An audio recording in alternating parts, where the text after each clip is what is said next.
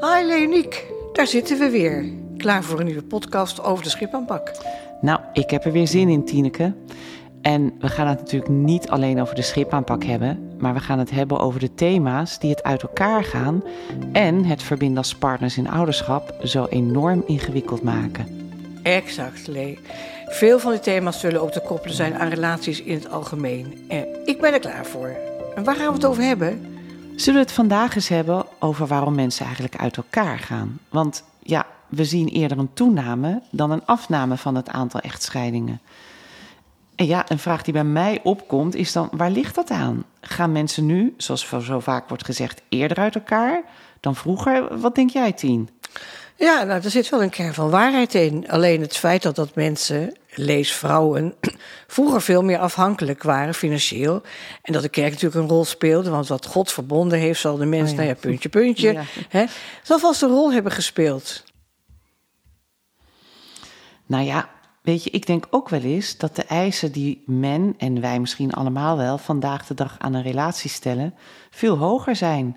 De partner moet vele rollen vervullen. De ideale gesprekspartner, een fantastische minnaar, een goede ouder. Hij moet altijd de goede dingen zeggen. Nou, en daarnaast, we hebben het ook vele malen drukker met ons sociale leven. En het volgen van allerlei maatschappelijke ontwikkelingen. Drie keer per week sporten, gezond koken, onze opleiding verzilveren, enzovoort, enzovoort. En ja, dan schiet het er volgens mij nog wel eens bij in dat je ook nog tijd aan elkaar besteedt. Ja, nou dat herken ik. En dan komt die aandacht voor de relatie veel onder druk te staan. En zonder dat we er ons van bewust zijn, ontstaat er een vacature, zeggen wij altijd. Hè? Ja. Want je kunt, ja, je kunt daar vergif op innemen. Maar net in die steeds wordende relatie komt die leuke man of vrouw door het beeld weer wandelen. En dan, ja, nou ja, de ja. rest laat zich raden. Hè? Ja, en dat is wat jij bedoelt met die vacature. Hè? Dat er een soort opening komt voor een nieuw iemand, toch? En je hebt het zelf niet in de gaten. Ja, ook dat nog eens een keer. Ja. Want ik vind het ook een illusie dat het hebben van een relatie betekent dat je nooit meer gevoelens voor een ander zou kunnen of zelfs mogen ontwikkelen. Ik bedoel, dat, dat hebben we toch allemaal, dat herkennen we ook allemaal. Maar het zou natuurlijk wel veel effectiever zijn als we daar wat ruimhartiger over zouden kunnen zijn en dit met elkaar zouden kunnen bespreken. Ja, dat is een ideale situatie. Hè? Maar ja, als het al niet zo lekker gaat in je relatie, loop je de kans dat als je het bespreekt met je partner, dat het tot een conflict leidt. Of op zijn minst tot een lastige situatie. Kijk, en daar zit je nou net niet op te wachten. Nee, en ik denk ook dat die gevoelens ook wel fijn zijn. Dat is ook wel een lekker gevoel, hè? Maar door het niet te bespreken, raak je denk ik wel steeds meer verwijderd van elkaar met alle gevolgen van dien. Ja, maar je kunt natuurlijk ook niet alles tot in detail bespreken, hè? Dat lijkt me ook eh, nogal vermoeiend. Dat zeggen mensen toch ook altijd. Je hoeft toch niet alles te weten wat ik denk. Dus ik, ik ben het met je eens, maar we weten natuurlijk diep in ons hart precies wat wel en wat niet van belang is om met elkaar te delen. En verliefdheden of iets wat al die richting opgaat valt wel onder de afdeling geheimen, toch? Ja, precies. En die geheimen lopen, je hebt het niet in de gaten, lopen onzichtbaar en heel subtiel, als het ware parallel mee in de relatie.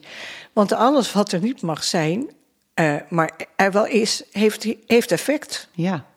ja, ik denk ook wel eens, wat wordt er allemaal wel niet vermeden binnen relaties, om welke reden dan ook, hè? Ben ik met je eens. Ik denk vaak dat het gesprek dat bij ons plaatsvindt uh, in onze praktijk al veel eerder bij die partners aan de keukentafel had moeten gebeuren. Klopt, klopt. Dat hoor ik ook. En veelal is het dan te laat. Hoe vaak ik wel niet hoor, hadden we dit maar eerder met elkaar besproken. Dit hadden we jaren geleden moeten weten van elkaar. Ja, en dan zeggen we, het vermijden van het conflict staat de oplossing in de weg en draagt het verlies in zich. Daar waar we zo bang voor zijn, hè, dus verlies van de relatie, volstrekt zich juist door het conflict te vermijden. Dat is de tragiek. En zo stevenen we in een conflict regelrecht af op het verlies. Ja, ja, maar ondertussen zijn we wel altijd gefocust om het conflict op te lossen. Terwijl het dus veel effectiever is om te kijken naar het onderliggende verlies. En als partners en of dat nou partners zijn of ex-partners, met terugwerkende kracht zich zouden realiseren wat ze hebben verloren, dan zou dat veel eerder verzachten. Dan zou dat veel meer kwetsbaarheid opleveren, waardoor ze met elkaar in gesprek kunnen gaan. Ja, het zijn onze grote angsten. Hè? De angst om te verliezen en de angst om in een conflict terecht te komen. Wat je zegt. En in een echtscheiding buiten deze twee grootheden ook nog eens in een razend tempo over elkaar heen. Dan weer is iemand verdrietig en dan geen seconde later weer woedend. Het zijn lastige emoties die zo in elkaar grijpen. Ja, kijk, relaties zijn ook per definitie ingewikkeld. Hè? Waar leren we hoe we relaties moeten onderhouden? Ja. Ja. Iedere echtscheiding is een emotionele aardbeving.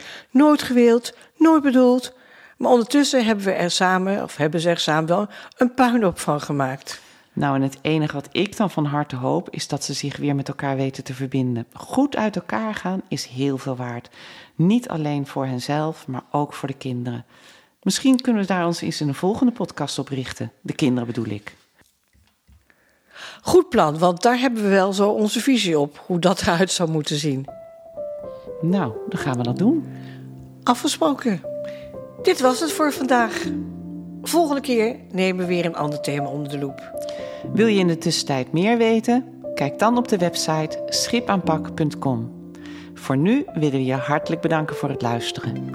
Oké, tot de volgende keer. Deze podcast kwam tot stand met Tineke Rodeburg en Leoniek van der Marel, ontwikkelaars van de Schipaanpak, en Kiki Stordio, die heeft gezorgd voor de regie en de muziek.